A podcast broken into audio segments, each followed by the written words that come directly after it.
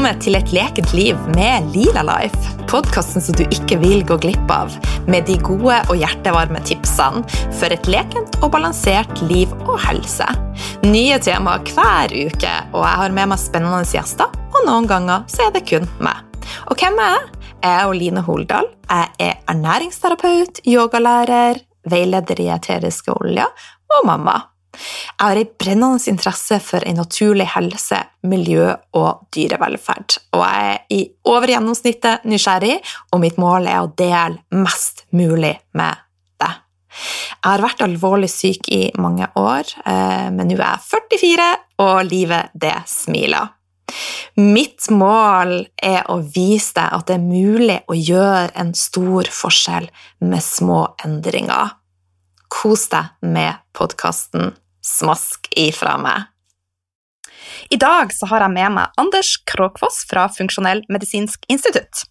Anders har lang, brei og allsidig bakgrunn fra bl.a. flere leder- og topplederroller innenfor teknologi og media, samtidig som han har videreutdanna seg innenfor funksjonell medisin og andre relaterte og medisinske fagområder. Han Anders har sjøl hatt alvorlige kroniske automun, en alvorlig kronisk sykdom, som han etter å ha gjort kraftige endringer i livsstil og kosthold har kvitta seg med for mange år siden. Han Anders har med årene bygga seg opp en dyp medisinsk faglig kompetanse og har en sterkt engasjement for funksjonell medisin, forskning og ikke minst persontilpassa medisin. Han Anders er også forfatter av over 1000 forskningsbaserte og andre helserelaterte artikler på egne nettsider, andre fagtidsskrifter, og har også bidratt til flere helserelaterte bøker. Pju! Oh, wow! Endelig! Velkommen, Anders! Jeg er rent svett, for du har jo ei kompetanse som er bare sånn Jeg hadde skikkelig problemer med å holde tunga rett i munnen. Jeg er svett. Der kjente jeg faktisk ble litt rød i ansiktet. Det var eh, faktisk på grensen til litt for mye eh, hva jeg tåler, altså. Men du, det er utrolig hyggelig å ha deg med, og endelig kan vi sette i gang med praten som jeg har gleda meg sinnssykt til. Takk det samme. Ja. Aller først, jeg er supernysgjerrig og endelig kan jeg få vite hvordan du starta dagene dine. Hvordan starta du dagen din i dag? Eh, jeg er jo et utrolig kjedelig vanemenneske, vil jeg si. altså. Så, så, der er, eh, i hvert fall i hverdager, så er svaret omtrent akkurat det samme hver eneste dag. Okay. Det er å stå opp eh, klokka sju. Akkurat klokka sju? Ja, faktisk akkurat klokka sju. akkurat klokka sju. Og så, og så bruker jeg da med mindre jeg våkner av meg sjøl noen, eh, noen, minutter før, da. Det hender jeg våkner fire på sju.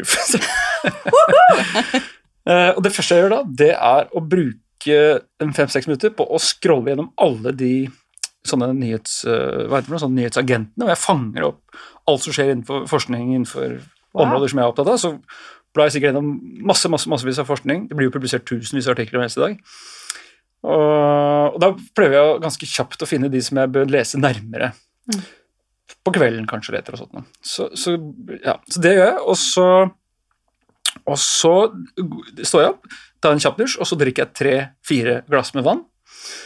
Og så spiser jeg ikke frokost, spiser aldri frokost. Uh, og så um, pakker jeg eh, skolesekkene til uh, sønnene mine.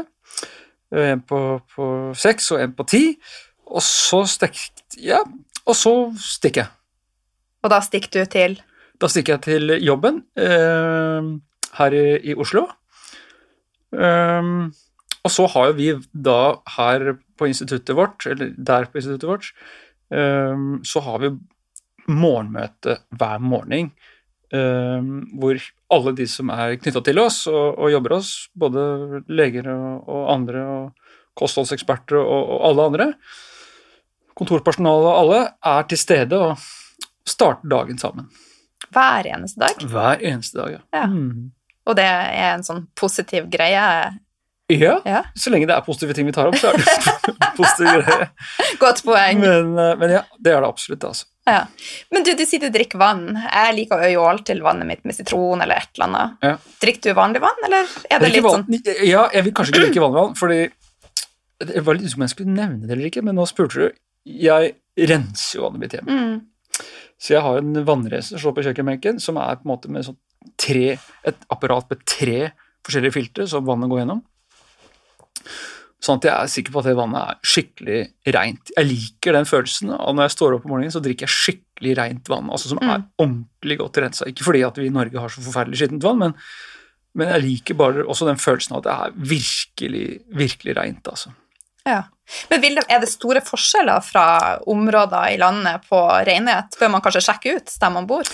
Eh, Jeg sier ikke at man bør det, det skal ikke jeg si, men, men, men ja Det kan virke som i hvert fall at det er ganske stor forskjell.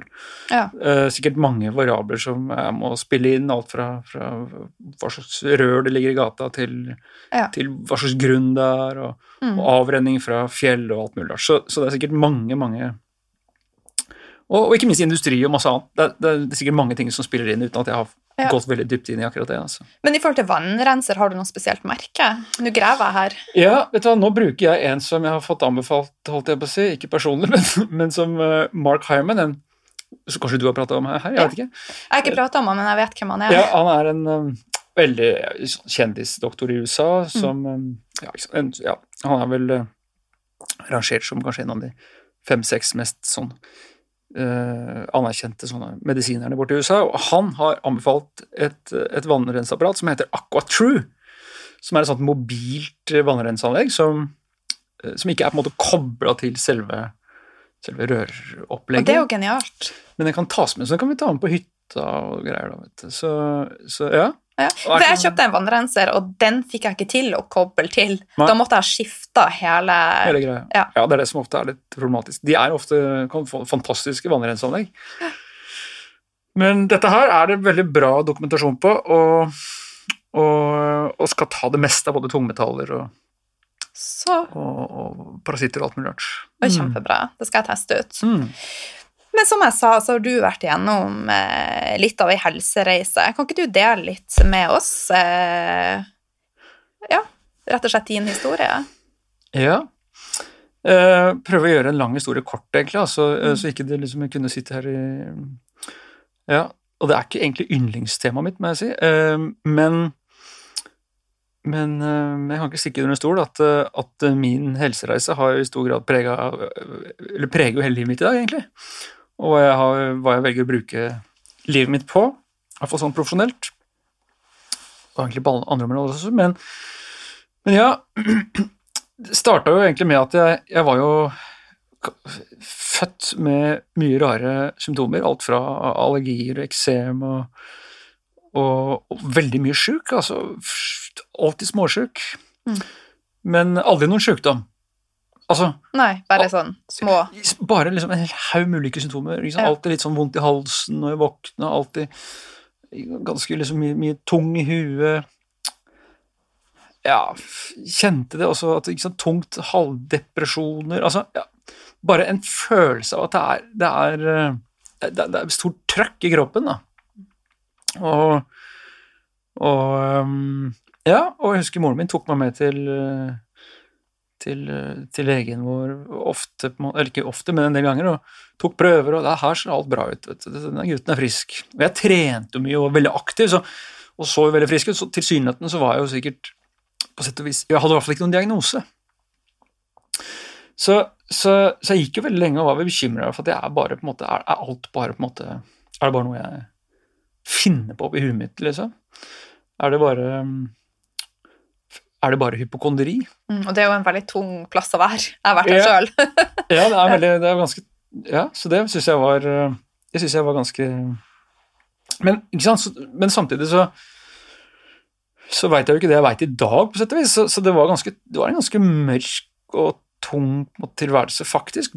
Langt der nede i dypet. Og, og, og på en måte ikke få anerkjennelse for, for hvordan du har det, på sett og vis. Ikke for at det ikke var noen som ikke ville, men fordi sånn var det bare.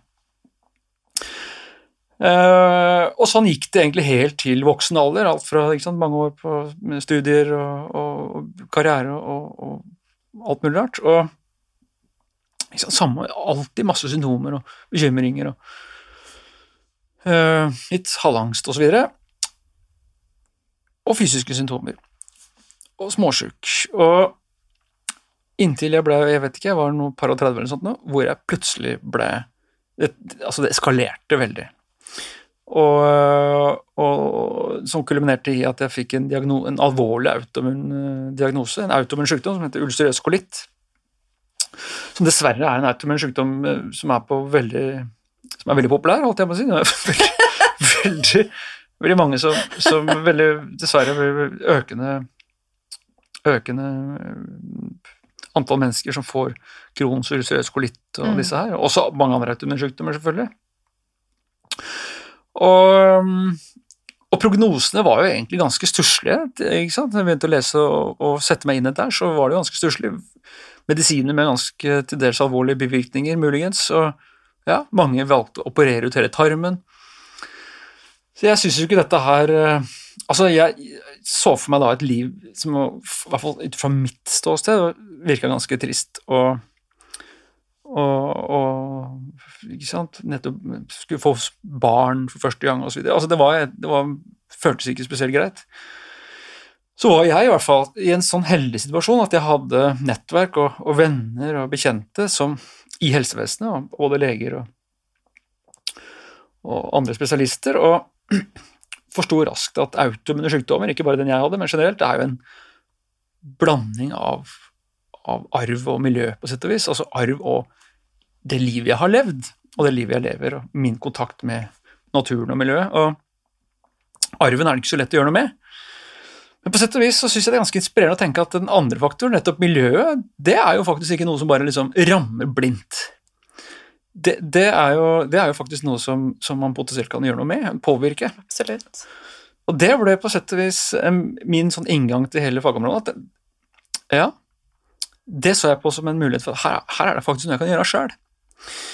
Så jeg begynte jo da en veldig lang reise med å oppsøke både fagmiljøer og forskere og kunnskap rundt omkring i hele verden, og, og også i Norge, selvfølgelig, og, og, og fant ganske raskt ut at med kunnskap og kompetanse så er, var det veldig mye jeg faktisk kunne gjøre sjøl. Og, og, veldig mye jeg kunne prøve å forstå selv. Utfordringen er bare at, at, innsatsen er høy, og man har på en måte ingen garanti. Det er ingen sånn quick fix eller kur eller sånn. Uh, og, og, det eneste, er, eneste, jeg på en måte kunne stole på, var på en måte prøve å forstå alle de liksom, faktorene som på en måte påvirka meg, i hvert fall så mange av dem som var mulig. Og, og det forsto jeg ganske raskt det var faktisk ganske mye det jeg kunne forstå. Det var ganske langt jeg kunne grave, det var ganske dypt jeg kunne grave. Man kan jo grave i det uendelige. Man kan grave i det uendelige, og, og, men med forståelse og kompetanse og sånt, så skjønte jeg også liksom hvilke områder som kanskje kunne bety mye. da. Mm. Uh, og, og, ved å gjøre det, så, så etter bare en seks, fem, seks, sju måneder, så, så var jeg helt symptomfri. Etter å ha wow. adressert mange masse ikke sant? Det var, altså for, antageligvis for de fleste så var det helt absurde tiltak jeg gjennomgikk. ikke sant? Med, endra jo hele livet mitt på, på bare noen, noen, eh, noen, måneder der. Og, og, kanskje en blanding av desperasjon og frykt og, og en enorm mengde kraft. Altså bare liksom Men Jeg tror jo alle føler både desperasjon og alt det her, men mange velger jo fortsatt medisinene. Ja, ja, ja. Så det er jo veldig credo til deg, da, som valgte denne veien. Jeg, jo, jeg valgte jo medisiner, jeg òg, bare for å ha sagt det. Altså, jeg så aldri på dette som noe alternativ til holdt jeg på å, si, å, å, å bruke helsevesenet. Jeg synes, vi fikk fantastisk hjelp av helsevesenet, men, men, i forhold til alt, alt jeg kunne gjøre sjøl, dette komplekset som var en blanding av forståelse og kompetanse og det som du peker på, kanskje motivasjon, da, og mm. ønske, og hvor, hvor dypt man skulle ønsker å faktisk gå så langt. da. Men for meg så var det for meg så var det no-brainer å, å, å, sette i gang med et sånt, kall det detektivarbeid, da. Så det, det bare det, For meg så var det egentlig ikke noe valg. Jeg vet at mange venner og sånn syns at jeg er, jo helt ekstrem, men i min verden så er det den eneste opplagte løsningen. da. Mm.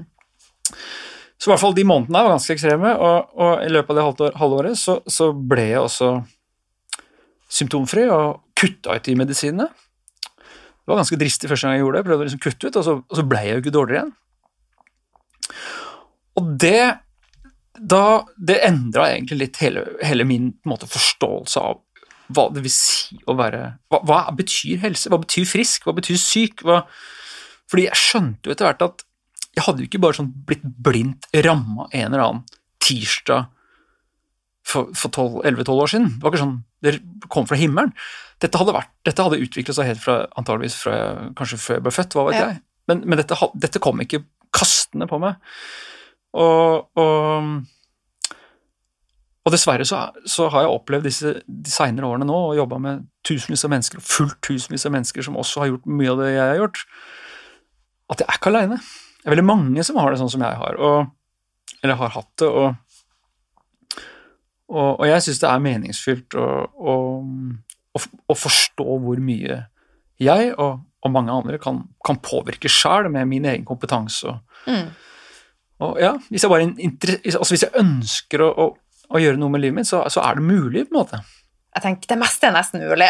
Ja, ja. Skal være litt forsiktig, liksom, men Ja. men, men ja, mye er mulig, da. Mye, ja. Vi kan si mye. Ja. Men eh, jeg tipper jo nå at de som hører på, er veldig spent på hva du har gjort. og sånn, Men vi skal jo prate mer om eh, mikrobiom, og Ja, ja, ja, da tenker jeg at vi kanskje kommer inn på det. Ting, de tingene som du har endra på. At vi tar det i den rekkefølgen, hvis det høres greit ut. absolutt. Men det er en fantastisk inspirerende eh, historie. Så, eh, men i forhold til meg sjøl, da, så opplever jeg jo at jeg har vært symptomfri. Men det er jo ikke sånn at det nødvendigvis vedvarer hvis ikke jeg følger opp de tingene som jeg må følge opp. Det samme vil jo gjelde deg, Anders. Selvfølgelig. Ja. Selvfølgelig. Så det er jo bare viktig å poengtere at ja. Så helse er jo ferskvare. Ja, det er, ikke sant? Det er jo, det er jo hundrevis og tusenvis av faktorer som jeg må påvirke det. Mm. Og hvor genene selvfølgelig er, er jo medvirkende. Men, men, eh, men kanskje ikke avgjørende aleine ofte, da. ikke sant? Man må noe mer til. da. Det er der miljøet kommer inn. ikke sant? Det er en blanding av Så må jeg kanskje jeg bare innse det at jeg, jeg har et genetisk utgangspunkt som i forhold til betennelser, da, i forhold til sånn type autoimmune tilstander, så, så, så har jeg på en måte et ganske kraftig anlegg for det. da. Så for det som, så- så et liv som for naboen eller en eller annen annen kanskje virker liksom Altså et, en livsstil som kanskje virker eh, helt liksom helt, kan, være helt normal for andre, er, kan, kan ikke være normal for meg. Altså Jeg er nødt til å være mye strengere i forhold til mitt utgangspunkt, f.eks. Mm. Så, det å- så det å bli kjent med min kropp og, og, og, og mine kalde grenser osv., det, det har, har vært en viktig del av, av reisen, for å bruke det Ja. Og vi er jo alle unike, og vi er jo nødt til å, å faktisk tenke på hva som er riktig for hver For meg, enkelt. Ja. Nettopp. Ja. Men du, eh, jeg elsker å nøle på det med mikrobiom og Mikrobiom. bakterier, og jeg har snakka om det på podkasten flere ganger før. Men jeg har lyst til å høre din versjon, for du er jo veldig kunnskapsrik. Så hvis du skal beskrive hva er et mikrobiom? Eh, altså det er jo på en måte, det har jo sin definisjon. altså Det, det betyr jo et lite, lite, et lite, en liten populasjon av, av smått liv, holdt jeg på å si. altså En, en, en populasjon av, av mikroliv.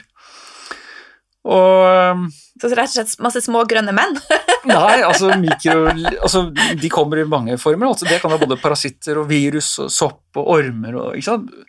Eh, Er ormer er det en naturlig del av økosystemet? Det kan det være, ja. ja. Ja. Sånn helminter og Ja, det har i hvert fall vært en del av vårt naturlige miljø da, gjennom tiden, så uh, så, så absolutt. Og, så vi har levd sammen med alle disse her i, i en sånn form for, for symbiose vi, i, sant, i, i tusener og tusener av år. Så, så det, men så har vi ulike sånne populasjoner, da. ikke sant? Ulike mikrobiomer. altså Vi har jo det som kanskje du mistenker jeg henviser til, eller snakker om, det er det som kan få tarmmikrobiome. Altså den samlingen av mikrober som lever i, i tarmen vår. Mm. Som summen av alle sammen veier vel noe sånn halvannen-to kilo, tror jeg. Er ikke det på størrelse med hjernen vår, cirka? Kanskje det. Ja. Eh, Litt avhengig av hvor stor hjernen er, selvfølgelig. Men, men ja. Og så, og så? Men så er det jo også et eget mikromiljø på huden vår, som passer på huden vår. Og så er det og i andre slimhinner, som i nesa og i munnen vår. Så er det jo egne populasjoner med litt ulike typer med mikrober som passer på å krige med hverandre. og Kriger om mat og ressurser og sånt. Så, men det, det mikrobiomet som kanskje på en måte er mest sånn som man leser om etter hvert også både i VG og Dagbladet og, og hører mye om, det er jo det mikrobiomet som er i tarmen. Og, og det er jo det er jo hver eneste dag, sånn som jeg, sånne nerder som meg som leser altfor mye tørr forskning, så, så, er det jo en helt enorm mengde med ny, bredt publisert forskning og kunnskap om tarmmikrobiomet. De siste 10-15 åra har det vært helt enormt. og og alle de ledende forskningsinstitusjonene i, i, i, verden nå, som Harvard og Stanford og, og, Kings College i England og alt det der, de, de investerer nå enormt i å forske på å forstå mm. hvordan tarmmikrobiomet, kanskje spesielt, og andre mikrobiom, hvordan det påvirker og interagerer med, med kroppen vår og helsa vår. Som et eget organ, ja. tenker mange da. Det er jo så spennende. Men det aller nyeste, da, Anders, hva er det? Nei, Det går nesten ikke an å si, altså, for det er så svære mengder. Og, ja. og, og det er liksom ikke sånn Det, det er så og alt, sant, Det er et gigantisk puslespill. Det er omtrent som å utforske universet, tenker jeg. Altså.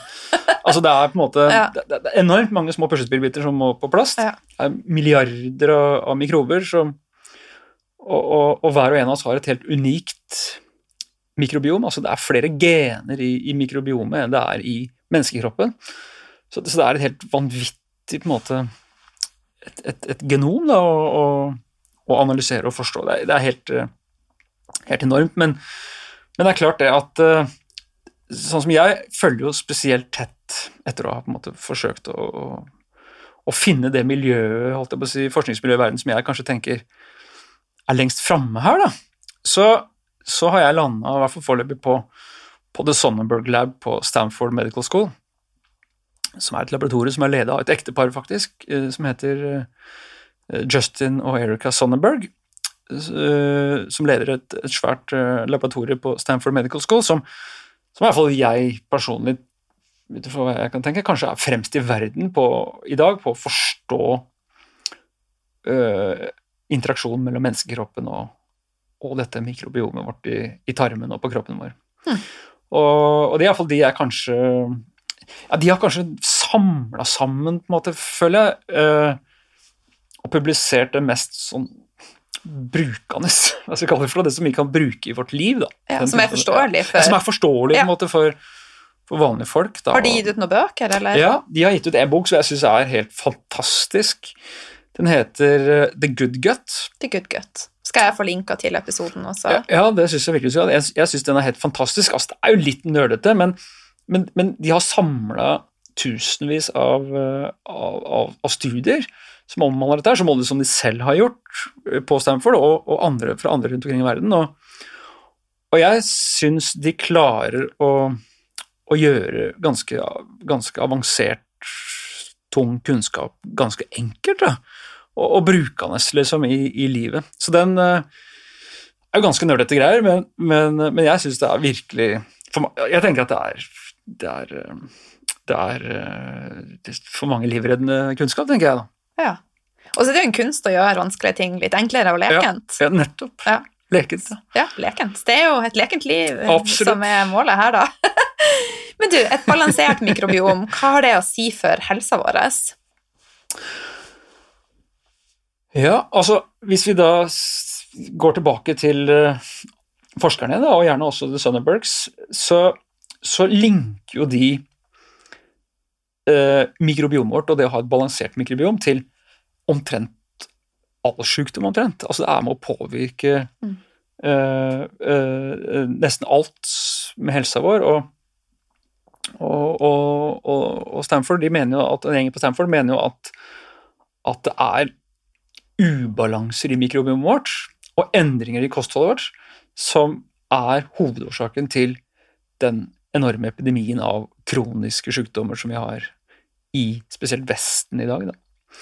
Så, så, sant? Og da snakker vi jo alt fra sånn, automune tilstander til allergier til øh, Mange mener til og med også delvis kreft og, og nevrologiske tilstander og, og mentale tilstander. og psykisk ja. Det, altså det Så rett og slett alt? Omtrent, altså. ikke sant? Som, som Sonnenbergs mener at ja, om ikke alene årsaken, så i hvert fall er bidragsytende til, til utviklingen av disse tilstandene. Og at endringer i kostholdet, som igjen påvirker endringer av mikrober i tarmen, Uh, som har gjort til at vi har fått både færre mikrober, uh, altså færre antall totalt sett, men også mindre mangfold av ulike mikrober, har, ført, har potensielt ført til eh, store konsekvenser for Nå menneskers helse. nå tenker jeg bare, Det er jo akkurat det samme som skjer i naturen. så Ja, Hvis man ser på syv, de syv kontinenter, så Ja. er det jo akkurat det samme som skjer der. Det mangfoldet skrenkes inn. Ja, for man kan jo bli frista Dette høres helt absurd ut, selvfølgelig, Mm. men man kan jo bli frista til å tenke at vi mennesker er en del av naturen. naturen. Vi er jo det, da. Ja, er vi ikke det? Ja, ja, altså Når man leser aviser, og sånt, så kan man nesten få inntrykk av at det, at det, at det kanskje er en nyhet. Jeg vet ikke. Men, eh, men, eh, men jeg tenker at eh, selvfølgelig, liksom. Altså, Jeg hørte her i forrige uke at vi, sant, det, vi er i ferd med å Hva var det jeg leste? I Tyskland så så, så dette, må du gjerne sjekke, men, men jeg synes jeg leste at i Tyskland så hadde over 50% av alle, alle insekter hadde, altså, var blitt borte. Eh, og jeg tenker at ja, kan det også være med å påvirke helsa vår og oss mennesker? Ja, selvfølgelig. Monokulturer er selvfølgelig et eh, og, og, og er selvfølgelig blitt også en, en viktig del av, av miljøkatastrofen. Men nå er det sikkert mange som tenker eh, ja, dette er spennende, så eh, Men hva kan jeg gjøre for å mate mitt eget mikrobiom? Altså, hva, hvordan kan jeg finne en balanse i mitt eget økosystem? Ja, da, da er det jo, kan man jo kanskje tenke seg For det første så er det jo er det jo mange deler av måten vi spiser på og lever på som, som er på en måte litt mikrobeuvennlige. da. Sånn som f.eks. antibiotika, for eksempel, som jo potensielt kan redde ut mye gunstige mikrober. Eh, men også kosthold som gir mat til mye gunstige mikrober, som, som, som f.eks. Mye, mye sukker og, og, og, og fast food, holdt jeg på å si. Og et vestlig, vestlig kosthold er jo, ifølge The Sonnenbergs og Stanford, et mikrobefiendtlig kosthold. De får rett og slett ikke det de trenger. Nei, så vi får rett og slett ikke i oss nok gunstige mikrober. Det vil si, altså Fra naturens side så er vi mennesker så skapt til å leve så tett med naturen at eh, vi får i oss mye mikrober fra naturen hele tida, men det, det gjør jo ikke vi som bor i byer og rundt omkring. Vi er også øh, Vi er også fra historien vant til å på en måte spise mat for alle disse gunstige mikrobene. Eh, altså, og, og mikrobene de spiser jo den maten som vi, vi mennesker spiser. Mm. Så hvis vi mennesker spiser drittmat, så spiser jo mikrobene drittmat òg, liksom. Og da er det de mikrobene som liker den drittmaten, som, som det blir flere av. Og, og mikrobene de tilpasser seg kostholdet vårt veldig, veldig raskt. da. Altså mikro, Mikrobiomet det endrer seg liksom kontinuerlig. Bare på et par dager så endrer det seg avhengig av, av hva vi spiser. så men genene til mennesket endrer seg jo ikke i løpet av to-tre dager. Så, så det her blir liksom ganske raskt en sånn mismatch da, mellom, mellom hvordan mennesket på en måte er skapt, og, og hvordan mikrobiomet raskt utvikler seg. Da. Mm. Så, så når vi endrer på rammevilkårene holdt jeg på å si, til mikrobene, så, så endrer jo hele mikrobiomet seg. Og, og de siste 50-60-100 åra så, så har jo dette mikrobiomet endra seg dramatisk som sagt, som jeg sa nevnte vi både har færre mikrober og, og, og, og færre antall ulike, liksom, ulike mikrobearter. Da. Men eh, hvis du skal gi spesifikke eksempler på god mat for et mikrobiom, hva Ja. vil det være, Ja. Nå snakker vi om alt det dårlige, jeg glemte det bra. Du, det er dårlig. Veldig dårlig pedagogikk, altså. Ja, skikkelig bra. Nei, først opptatt av, først opptatt av dommedag, ja. Det er jeg opptatt av. Men, eh, men ja, nei, nettopp. Altså, det er jo på en måte det motsatte. prøve å unngå alt det dårlige her, da. Så, Det er tilbake på det dårlige. ja, jeg, må, jeg vil så gjerne tilbake. Men Ja. så, endelig så må vi jo selvfølgelig fokusere på alt det som kan, kan, kan endre dette her. Og, og det syns jeg er Det er jo selvfølgelig det morsomste. Og, og, og da tenker jo veldig mange på tilskudd og medisiner og sånt, da, og, og probiotika og ting man kan kjøpe i helsekosten, men, men de, som, de som forsker på dette her, som er fremst i det i verden, sånn som Stanford og Kings College og sånt, de for, å, for å forstå noe om det spørsmålet, der, så har de reist rundt til alle de gjenværende jeger-samlerbefolkningene rundt omkring i verden. Altså de som lever sånn som mennesket har levd lengst, altså ute i naturen. Mm. Som jegere og, og sankere, liksom. Og så viser det seg at de, de, har en, de har ikke de kroniske sykdommene som vi har, og de har et helt annet mikrobiom. Så har de forsøkt å finne ut hvordan er det de lever, og hva er det de gjør. Nei, de, de lever jo ikke i en helsekostbutikk og spiser probiotika uh, syntetisk. Nei, det de gjør, det er jo selvfølgelig å leve enormt tett med naturen. At de får i seg de bakteriene og mikrobene som er i naturen. Og de spiser den maten som er maten for de gunstige mikrobene, og det er spesielt en type sukkerarter, en type ufordøyelige sukkerarter, langkjede sukkerarter, som er yndlingsmaten til disse gunstige mikrobene. Og denne type sukkerarter, som ikke på en måte påvirker blodsukkeret vårt, men som er ufordøyelig, men som samtidig er yndlingsmaten til mikrobene, det er det som mange nå kaller for prebiotika. Det finner man jo spesielt i grønnsaker, bær, øh, fiberrike frø, en del nøtter som, som mandler og Mm. hasselnøtter og, og valnøtter og loppefrø som fiberhusk, for eksempel, og sånt noe, er det jo svære mengder med er det jo svære mengder med, med prebiotika, da, eller sånne MAX, som, som forskerne kaller det, altså microbiota accessible carbohydrates, altså sukkerarter som er gunstige for mikrobene, Mm. som ikke påvirker eh, blodsukkeret vårt. Ja. Men når man begynner å tilføre det her, da, så vil man jo få litt luft. Og da da de fleste tenker 'det her tåler jeg ikke'. Dette tåler vi ikke, fordi da blir det et skikkelig prompeshow. eh, og, og det å på en måte klare å, å leve et liv som er litt mer sånn som de gjør ute i, i jungelen, så, så kan det bli mye promping, selvfølgelig. Eh, men sånn som The Sonnebergs eh, sier, som man kan lese i den boka jeg nevnte i stad, så, så i det øyeblikket på en måte man har fått justert dette her kostholdet litt, eller justert mikrobiomet, så, så vil eh, luftproduksjonen gå over. Ja. Det kan jo ta en stund, da. Det kan være litt ubehagelig, selvfølgelig. Ja. Jeg må bare gi, altså jeg har jo vært igjennom en Ja, sånn fase ja. først i fjor, og hvor jeg spiste masse prebiotika, og den fasen var ganske, den varte kanskje ei uke. Ja. Og så har jeg vært litt slørven, eh, men eh, det er veldig inspirert igjen for noen uker siden jeg hørte på en forelesning med deg. Og nå gikk det veldig mye fortere, og sånn, så det gikk bare et par dager, så var jeg fin. Sier nettopp. Ja. Så nå på reise så har jeg med meg en egen, eh, en egen boks med fos i alle mulige, eller oligosakkarider i flere varianter som jeg blander, så jeg tar til måltidene mine, og Ja. sånn tyggetabletter, pluss at jeg har med meg spira og Fantastisk, så bra. Ja. Ja, det, jo, det jo det gode Det fantastiske er jo det at ved å spise svære mengder av disse fibrene her Men man må jo selvfølgelig også ha noen å mate, da, så man må jo få i seg bakteriene òg.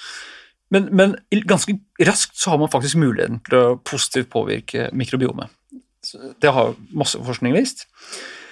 Utfordringen, er kanskje det du har merka, det er jo at bare i løpet av noen dager så kan faktisk situasjonen bli dårligere hvis vi kutter ut mengden fiber.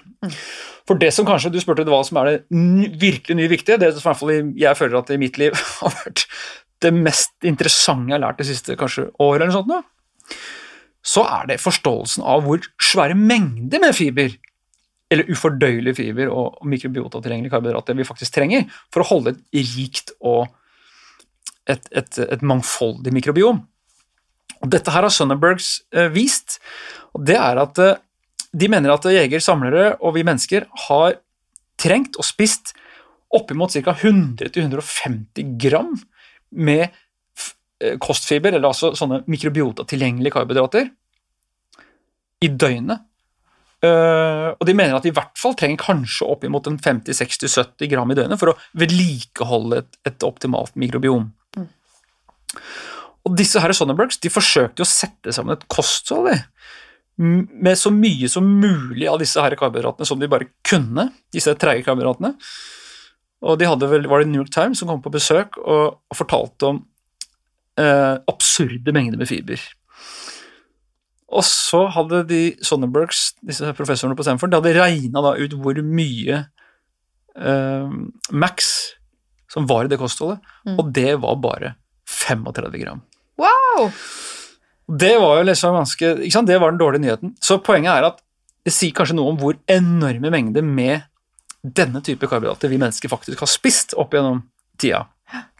Når vi med et enormt fiberrikt kosthold bare kanskje klarer å få i oss en 35-40 gram. Hva kan vi gjøre da?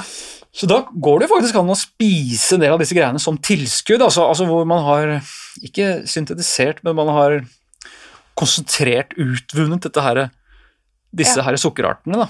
Rett og slett sånn som jeg har med meg nå. Ja. Nettopp, ikke sant? som tilskudd. da. Men du finner det også i butikken, sånn som i fiberhusk, eksempel, i sånne loppefrø. ikke det det heter? Det er også fantastisk godt prebiotika. Men kan, jeg har bare et spørsmål der. Ja. Kan man da fiberhusk, for det svelger jo, Ja. eh, kan man bare ta ei skje av det og svelge det med Ja, vann? det, det, det, vil jeg, det vil jeg ikke anbefalt. Altså. Det, tror jeg du kan bli, det tror jeg du kan risikere å bli kvalt av. Altså. For jeg tror det, det svelger noe voldsomt. Altså. For det er det som var liksom viktig, sånn at ikke noen gjør det. Ja, det, Ja. det tror jeg. Så det er bare sånn NB. Ja, det gjør jeg aldri. Nei. Fordi putter du en, en spiseskje oppi et vann, så blir jo det et glass fullt med, med Ja. greier. Jeg vil ikke ha noe søksmål, så jeg vil være for Nei, presisert. Ikke faktisk. Men de selger det på Meny, holdt jeg på å si. Ja. Så Eller over alle, alle Så rett og slett ha det i smoothier, bakverk og Jeg baker. Jeg Ja. baker med det. Ja. Yes. Du har jo et veldig eh, et, et, oppskrift på brød som jeg må få snekke til med. Den er ikke veldig avansert. Altså, da snakker du ikke sant? Jeg bruker eh, knust eh, sesamfrø, som er jo veldig næringsrikt og bra. Masse fiberhusk. Og kanskje litt Akasa Senegal, som også er en fantastisk prebiotika. Akasa Senegal. Akasa Senegal, ja, som også er en sånn ja, fiber, som er flott å ha i brød. Vann og salt. Det er, Kun det? Hjemme hos oss er det, det er brødet. Sveive sammen og lage boller eller rundstykker eller et eller annet, eller brød, og så smelle inn i ovnen, og så st- står det der til det er ferdig. Du trenger ikke noe annet nøtter eller kjerner? Det kan man ha i, Ja. men hjemme hos oss så er det jo en svær industribedrift, Ja. så, så der, går det, der går det i en ganske høy produksjon, så det er ikke veldig avansert. Så dette her er sånn Ja. Dette her er eh, Dette funker. Og det var ses linfrø. Sesamfrø. Sesamfrø. Men kverner du det opp, så de vet mer? Det er det beste å bruke sånn kaffekvern og kverne opp, men jeg, Ja. jeg kjøper liksom ferdig sesammel, og så har jeg også litt sånn økologiske sesamfrø. da. Blander det rett og slett. 50-50 kanskje. rett og slett. Ja. Da fikk vi oppskrifta. Yes! Men ellers da i hverdagen, hvordan eh, spiser du da? Fortell oss litt. Nei, jeg spiser jo ikke litt så veldig mye ferdigmat, da. Uh, det, det, det holder jeg med unna. Mm. Eh, men, men jeg lever ikke lavkarbo. Jeg faktisk så lever jeg antageligvis enormt høykarbo. Antageligvis mer høykarbo enn de fleste, men jeg spiser jo ikke mye raske karbohydrater. Jeg spiser jo ikke mye sukker. Jeg spiser ikke noe sukker, nesten. Jeg forsøker faktisk jeg å få i meg ja, kanskje oppimot en 70-80-90 gram med kostfiber og sånne prebiotika da, I løpet av dagen. hver dag. Blanding av masse grønnsaker og også litt sånne pulver og ferdig liksom ja, konsentrert pulver da, med disse grønnsaksgreiene. Uh, og så spiser jeg litt kjøtt, det gjør jeg. Spiser så mye jeg kan økologisk for ikke å få med meg mye sprøytemidler og sånt, som også jo kan være potensielt negativt for, for mikrobiomet. Og, og, og spiser antakeligvis mer variert enn jeg noensinne har gjort. Jeg spiser antakeligvis flere matvarer enn det jeg noensinne har gjort, men, men det er ikke så mye ferdigmat, altså. Det må jeg vel tilstå. Mm. Så veldig mye grønnsaker og grønt og, og nøtter og spirer, som du nevnte, og, og ja, og litt sånn litt kylling og litt kjøtt innimellom, og helst utebeitende hvis det er mulig, da, som Ja. ikke er liksom bare spist mais og Mm. soya, og som kanskje har vært ute i, i skauen og, og spist Mm. natur. Du, mens jeg husker det, jeg fikk noen innspill i forhold til spira, at det har vært litt sånn eh, innspill om at det nødvendigvis ikke var så bra, det var noen giftstoffer eller noe sånt. Har du hørt noe om det? Eh, Altså, det vil jo alltid være et eller annet. ja, ja, ja. ja, det er jo Men altså, sånn er det jo med alt vi kjøper altså, Jeg veit ikke akkurat hva du viser til, da. Jeg har jo ikke lest alt her i verden. Men, eh, men det er klart at med alt man spiser rått, eksempel, så er det en viss uh, mulighet for at, uh, For at det er også noen ugunstige bakterier i det. Sånn er det med alt, holdt jeg på å si. Mm. Det, det er jo litt av utfordringen med det å leve veldig kall det økologisk og, og rått da, for de som gjør det. Så Men så, så ikke sant? det er sånn som noe som Sonnenberg-gjengen i Stanford skriver litt om også, at jo rikere og mer robust mikrobiom du har, jo mer tåler du noen bad guys, holdt jeg på å si, altså noen sånne dårlige bakterier som kanskje kommer inn, da. Sier de. Ja. Så, så jeg, jeg personlig er ikke veldig bekymra for å få i meg litt sånne dårlige bakterier, for jeg tror at i dag så har jeg et såpass Stert. robust og Ja. Sitter jeg her og sier, og så ligger jeg på Ullevål i morgen med Nei, bank i bordet! Jeg føler det at eh, jeg, jeg føler at med, Jo mer og mer robust uh, mikrobiom jeg har, jo mer og mer robust føler jeg også helsa mi er. altså. Ja. Men du, gi oss um, et par konkrete uh, tips på hva du spiser. Jeg vet du også laga en sånn kveldsgrøt som du har prata mye om. Så her Godgrøt. Ja, hva, Selvgrøt. hva du kaller den? Jeg kaller det godgrøt. Ja, Hvordan lager du den? Ja, det, det er jo faktisk noe som både Jeg tror vi spiser alle sammen i litt ulike versjoner, men jeg og, og de to gutta mine de, vi spiser noenlunde sammen. Det er jo mye økologiske bær, da. Eh, bringebær og blåbær, som jo også er, veldig, som også er prebiotisk. Eh, Blanda med mye sånne kostfiber. Fruktoligosakarider, xyloligosakarider, galaktoligosakarider. Uh, baobab, eh, som disse her stammene i Tanzania spiser mye av, som er veldig prebiotisk. Um, litt kanel, kanskje. Uh, må bare, må bare legge til det at disse her oligosakkarinene de er jo, de er jo sukkerarter, og de er jo veldig søte, så det er jo et fantastisk søtningsstoff også. Så det blir jo, smaker jo sukkerspinn dette her. Eh, og så kanskje, kanskje ta litt fermentert uh, kokosyoghurt. Det er jo en fantastisk fin måte å få i seg gode bakterier på, som ikke er syntetisk og, og sånn unaturlige greier. Um, men nå skrøt jeg litt, altså, fordi det er ikke ofte vi lager det. Var- Det skryte så, så det kan hende at noen ganger så blir det vanlig kokosmelk som ikke er fermentert, og, og mandelmelk og sånt. Ja, for dere har en eller annen plantemelk i det her også. Ja, Ja, også noen ganger, men noen ganger så har vi ikke det heller. Da spiser bare, rører det sammen. Og, og litt nøtter og sånn, eller? Og litt nøtter, eksempel. Det er jo fantastisk og, Ja. med litt nøtter. Og, jeg har ofte litt mandel... Hva heter det? Sånn mandelmel og Mandelmel? sånn. Mm. Ja. Så det blir en sånn god grøt. Det, jeg avslutter alltid kvelden med det, altså. Og, og det blir selvfølgelig ekstra godt hvis du da har litt sånn fermentert kokosyoghurt. og, og kanskje litt sånn munkfrukt, eller det som blir litt sånn ekstra, ekstra søtt. Da blir det jo, blir det jo superdessert, altså. Ja. Munkfrukt, munkfrukt jeg begynt å bruke etter Ja. du tipsa meg, og det er jeg Ja. veldig fornøyd med. Du syns den er god? Ja, veldig. Og nå har jeg fått bestilt med karamellsmak. så, og det finner jeg ikke i Norge, så det, jeg har funnet pulver eneste på Økohjertet, men ellers så bestiller jeg fra USA. Jeg tror faktisk ikke det er eh, Jeg tror faktisk ikke det er tillatt i Norge. Jeg tror faktisk ikke det er det. Altså, jeg har kjøpt i Sverige litt og sånt og andre steder, så jeg, jeg veit ikke om det er, eh, er godkjent jeg faktisk i Norge. Altså, så okay. får være litt forsiktig her. Så for, ja, Ja, ok. Dere kjøper munkfrukt på eget ansvar. nettopp. Men det er, jo ikke noe farlig. Det er jo ikke noe farlig. Det er, altså, det er, kan jeg aldri si. Altså, hvis noen sier det, så, så da, det kan man jo aldri si. Nei. Men, men, eh, men, eh, men ut fra alt jeg har lest i forhold til forskning, og er godkjent i USA, av eh, FDA i USA, og, og munkene i Himalaya har jo brukt det i tusenvis av år som en medisinsk urt. Så, så hvis det er noen form for, eh, for tyngde, så, så, Ja. så er det det. Ja, men takk for, eh, for den informasjonen. Eh, probiotika. Ja. Det er jo veldig omdiskutert. Det, er, det har jo vært veldig sånn mye positivt snakk om det, og nå Mm. kommer det litt fra sidelinja om at hei, kanskje vi burde være litt forsiktige med det. Hva er dine tanker? Jo, jeg er enig i begge deler. Jeg. Er helt enig i begge dere. Jeg syns vi skal være forsiktige med det, men jeg samtidig tenker at- vi trenger det. Og så må man huske på at probiotika det betyr jo gunstige mikrober. Øh, Spørsmålet er bare hvordan du tilfører kroppen disse gunstige mi- mikrobene, eller hvordan du får det i det. Og jeg tror ofte når folk tenker på probiotika, så tenker man på sånne kall det kunstige eller syntetiske greier man kjøper på, på helsekosten eller noe sånt. da. Og bare for å ta det man kjøper på helsekosten først, da, eller det man kjøper, så er det jo både sikkert veldig veldig mye bra, og kanskje også veldig mye dårlig. Og det, skal ikke jeg ha noen sånn fasit på hva som er bra og hva som er dårlig. Det, det er jo en ganske sånn uregulert verden, det der kostholds, kosttilskuddsverden. Så der må man liksom bruke egen kritisk sans, tenker jeg. Mm. Og, og, og det samme sier Sonnenberg, faktisk, at han, han vil ikke si noe med to streker under der. Han, han, han spiser probiotika, nei, probiotika, også som tilskudd, og, og, og, og, og forsøker å, å finne ut hvilke merker han tenker er gode, og, og hva han trenger. Så, så det det. Det andre er jo at man, det mest kanskje beste måten å få i seg probiotika, er jo gjennom naturen.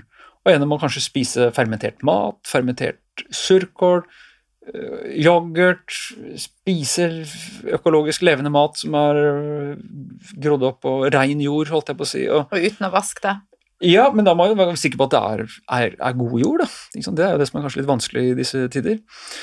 Men, men ja, det å få i seg mye natur er jo ikke dumt. Og da kanskje ikke liksom grøfta på Ringveien, liksom, men, men, eh, men kanskje litt, sånn, litt lenger opp i, opp, opp i marka.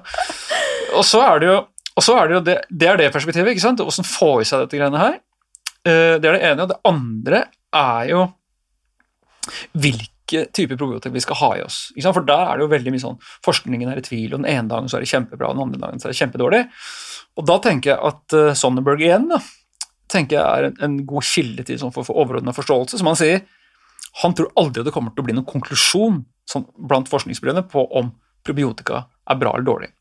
Grunnen til det er at vi har alle sammen et helt unikt, ulikt mikrobiom, og kanskje det er helt unike og ulike behov hver og enkelt av oss har. Så, så Sonneberg mener jo at framtiden handler jo om å skreddersy tiltak og probiotika til hver enkelt av oss. Så så lenge man driver og forsker på, sier han, standardiserte protokoller for en eller annen gitt befolkning som er helt ulik, ja, så er det selvfølgelig helt, så, så vil, er det selvfølgelig helt ulogisk å finne noe som passer for alle. Så da må testing til, og det må tilpasses individuelt. Ja, ikke Ja. sant? Det er, det, det er i hvert fall det Stanford og, og de fleste jeg øh, lytter til, holdt jeg på å si, uh, mener er, er framtiden. da. Det høres jo veldig logisk ut. Ja, og som er jo noe av kjernen i det som jo både EU og, og amer- amerikanske sykehus osv. nå kaller for persontilpassa medisin. Da, ikke sant? Anerkjennelsen av at vi mennesker er helt unike, og, og at vi har et helt unikt mikrobiom. Og, og skal vi virkelig liksom gå i dybden, så må man tilpasse tiltak til hvert, til hvert enkelt individ og til hvert enkelt mikrobiom. Bruker du probiotika sjøl? Uh, ja, og jeg varierer masse og, og prøver å Og jeg har en viss forståelse for, for hvordan, hva slags mikrobiom jeg har, da. Så jeg veit jo litt om hvilke typer mikrober jeg har hatt lite av, og, og har lite av, og hva jeg trenger flere av, osv. Så, videre. så så jeg forsøker så godt jeg kan, i hvert fall på den kunnskapen jeg har, å tilpasse det det jeg har behov for. Det er en blanding av, av, av gode merker med probiotika, med type probiotika som jeg vet jeg har behov for, men også å spise variert med bakterier fra naturen, rett og slett. Altså. Mm. Eh, fra jorda og naturen. Med fermentert mat og sånt. Du, helt avslutnings... eh, Helt, helt, kan man si avslutningsvis? Er det et norsk ord? Jeg tror jeg skjønner hva du mener, i hvert fall. Ja, men Er det et norsk ord, eller? Avslutningsvis. Ja, tror jeg det. Ja, men da sier jeg det. Eh, hvis du skal gi fem tips for ei leken og balansert helse, Ja, hva ville det vært? det er liksom det med leken som er litt sånn eh, Får du litt eh, sånne rare tanker? eh, Ja, det er den som er det er den, Ja. For god og balansert helse, Ja. da. Ja, for, det er nettopp, fordi, altså, fordi, rett og slett fordi at i min sånn helsereise så har det jo vært så jækla lite let. Det har vært mye hardhet og, Ja. og, og tvang, holdt jeg på å si. Og er Men da at, er målet at det skal være leken? Nettopp! Ja. Så, så når jeg, sant, jeg hørte at du, For du nevnte jo det for meg på forhånd, at du skulle spørre om dette her, så, så da tenkte jeg at, at um, energi, det, det er noe som liksom jeg tenker altså, jeg, jeg har alltid liksom vært litt sånn junkie på, på, på å få- mye energi, da, for det er noe jeg har hatt ganske lite opp gjennom åra. Så, så energi og god helse det er noe som jeg kan, kan relatere med. Og da, da er det jo litt av det som jeg snakka om nå, det å få i seg naturen, rett og slett. Få i seg skauen. Eh, fordi der er det jo, vi er skapt sammen med disse her eh, mikrobene. Så man må passe på å sørge for å få i seg god natur, da, som, som ikke er liksom fullt av sprøytestoffer og tungmetaller og, og gift og antibiotika. Og sørge for å liksom Ja, så det er jo en krevende i seg selv, men, men det å få til det er jo en kunst i den verden vi lever i. Og jeg prøver på det. Så det å rulle rundt i skauen osv. Bade ja, på en eller annen gård hvor det er reint og godt og sånt noe. det kan jo være et lekent òg, kan det ikke det? Ja, absolutt. Uh, mye gøy man kan gjøre det. altså Kose ja. med trærne i skogen og? Det bruker jeg å gjøre. Jeg det er jo ganske sånn alternativt. Sånn, Holde rundt og bare ja. Glad i deg! kanskje det er noe Kanskje det er faktisk noe litt avansert medisinsk forståelse i det òg, faktisk. Mm. Uh, og så er det selvfølgelig å sørge for å få i seg nok mat da, til alle disse gunstige mikrobene, som har alle disse fantastiske som har alle disse fantastiske liksom, uh, Som kan påvirke kroppen vår på, på, på, nesten alle mulige måter. Mm. Både immunforsvaret vårt og hjernen vår og humør, humøret vårt. fordi humøret vårt har man også nå vist at er i stor grad påvirka av mikrober i tarmen vår. Så ja, det å spise mat til disse mikrobene og få i oss disse mikrobene, tenker jeg også faktisk kan påvirke hjernen vår og, og, og evnen vår til å faktisk opp, kunne oppnå noe lek holdt jeg på å si, og energi og, og godt. ikke sant, Og ha det godt. Søvn tenker jeg er helt, helt, helt, avgjørende. Man forstår jo nå mer og mer at, hvor viktig søvn er for helsa vår, og faktisk også for mikrobene i, i tarmene våre. Trening og da er ikke jeg sånn der trening sånn at man skal trene bare så mye som mulig og løpe steinhardt og tunga ut. Og, ikke sant? Men det å finne trening som er på en måte tilpassa min tilstand akkurat her og nå Den treninga som var tilpassa meg for, for, for, for, ti år siden, det var liksom ikke den treninga som jeg driver med i dag, som er ganske hard. Det var snikskryt, men, men men det er ikke hard for de fleste. Men i, i min verden så, så syns jeg det er, jeg er ganske fornøyd i det. Selv om det er bare et par dager Og det er det viktigste. Ja? Så, men det å finne treninga som er tilpassa liksom det man orker og man syns er grei, men det å få bevegelse er jo viktig. Det kan, kommer ikke unna det. Og så er det dette her med fasting. Jeg har jo selv vært med å bidra til en sånn bok som en kjent sånn amerikansk forsker, lege, som har skrevet en sånn bok om fasting.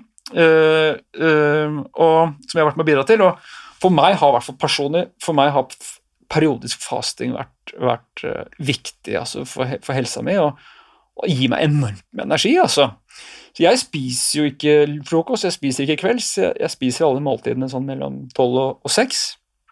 Jeg sier ikke at alle skal gjøre det, jeg anbefaler ikke det for alle. Men, men for meg så syns jeg det er helt perfekt, og det fins jo nå helt enormt med forskning og kunnskap som viser at vi mennesker vi, vi er jo kanskje, kanskje, sier jeg nå, ikke skapt for å spise døgnet rundt. Vi mennesker er kanskje fra evolusjonen måtte ha spist veldig lite. Og er faktisk kanskje, sier jeg, skapt til å kanskje en gang iblant ikke spise. Så, så, på bakgrunn av alt det jeg har i hvert fall lest og klart å tilegne meg av kunnskap, så, og, og, hva jeg faktisk føler på min egen kropp, så anbefaler jeg i hvert fall meg selv å, å faste mm. hver eneste dag. Men Tenkte du det er forskjeller oi, på menn og kvinner der? Det er det helt sikkert. Mm. Selvfølgelig, det er det jo. Ja. Så, men jeg, jeg, er veldig forsiktig med ikke jeg, jeg, anbefaler ingen andre å gjøre det, holdt jeg på å si, selv om det er mange andre som gjør det. men, jeg, men, men jeg sjæl uh, eh, har enorm effekt av det ja. i mitt liv, tenker jeg. Ikke aleine. Fasting er ikke noe quick fix. og jeg sier ikke at det er sånn uh, at det er, liksom en, det er motorveien rett til friskhet fra alvorlig sykdom. Nei, det sier jeg ikke. Men, men kanskje som en del av, av, noe, så tenker jeg at det for min del er, mm. er viktig. da. Jeg har hatt han, hvis du kjente han, Stig Bruseth. Ja, ja. Eh, så vi har spilt inn en hel episode om eh, fasting. Så eh, den kan jo eventuelt lytterne gå og høre på hvis dere vil fordype ja. dere. Men der er jo litt sånn forhåndsregler hvis man har spiseforstyrrelser sånn, så er det kanskje ikke det rette. Masse der. Her er det masse å lese om. Og har du på en måte problemer med blodsukkeret ditt og diabetes, sånn, så er det så er det viktig å, å, å gjøre dette her i samråd med legen sin. Selvfølgelig, så det, det må man alltid gjøre. Men uansett bare for å ha sagt det, uansett hva slags type endringer man gjør med helsa si, så bør det jo alltid gjøres i samråd med fastlegen eller, eller, eller, legen sin eller helsevesen. Det, det, eller et annet team, sånn som funksjonell medisin. Ja men, ja. men, vi også anbefaler jo alle å, samtidig som man gjør endringer i livet sitt, å ha godt samarbeid med, med fastlegen sin. Uansett. Det, det kommer man aldri unna. Nei. Det vi gjør, er jo noe i tillegg til. Så, så, som bør gjøres i samråd med, med, alt annet man gjør i forhold til helsa si. Men det som på en måte er mitt, mitt overordna budskap, holdt jeg på å si, da, det er jo at det jeg tror på, det er jo ikke at veien til, hver, til, til god helse er på en måte gjennom noe quick fix, enten det er faste eller probiotika eller noen som helst kurer eller hva som helst. Jeg, jeg tenker at det er summen av alt man gjør. Da. Og det å tørre å se på alle delene av livet sitt, da. enten det handler om mikrobiome, eller det handler om maten jeg spiser for både meg sjæl og, og, og, mikrobene, eller det handler om trening, eller det handler om søvn, eller det handler om om det handler om stress, eller det handler om hvem jeg faktisk velger å tilbringe tida sammen med, som også betyr mye for helsa mi, og, og, det å tørre faktisk å se på summen av alt. da. Mm. Og, og, det er det på en måte som jeg står litt for, da, å, å tørre på en måte å se på alt samtidig. Med det, eller de kloke ordene, så tenker jeg at vi avrunder episoden. Men helt til slutt, hvor kan lytterne connect med deg? Hvor finner de deg, og hvor jobber du? Ja. Vi har snakka litt om det. Ja, nei, Vi har jo vi har institutter både i Oslo og i Trondheim. Uh, og uh, vi har også Instagram-kontoer som vi prøver å publisere masse ny forskning. På hjemmesiden vår, på funksjonellmedisin.no, der publiserer jeg uh, ny kunnskap og, og, bredt publisert forskning omtrent hver eneste dag. Hvordan får du tid til det? Vet du hva, Jeg syns det er så spennende, men det, underlig, altså det jeg virkelig ønsker å oppnå med det da, altså det er ikke det at det, altså Jeg tvinger folk til å lese tørr forskning, men Intensjonen min er å gjøre folk oppmerksom på at det fins enormt med kunnskap der. Kanskje om ting som ja, ikke er like liksom, sånn lettfordøyelig som man leser om i VG og Dagbladet, og sånt, hvor det er liksom spis tre av den og bli frisk og sånt, men, men bare gi folk en følelse av at fy søren, så mye vi egentlig veit nå, da.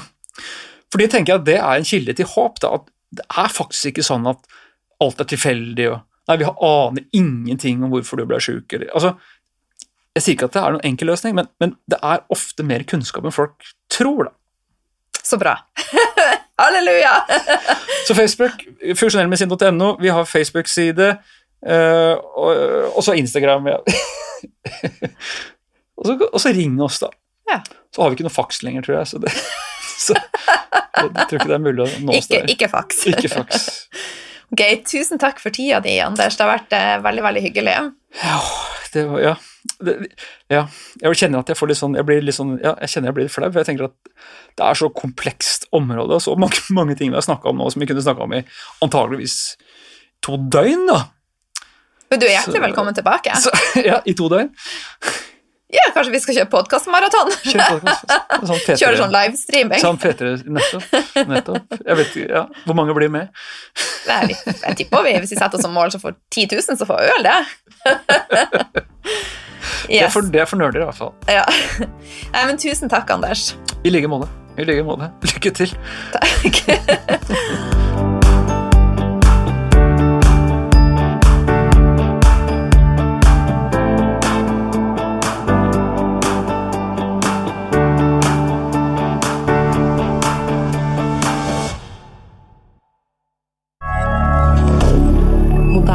moderne media.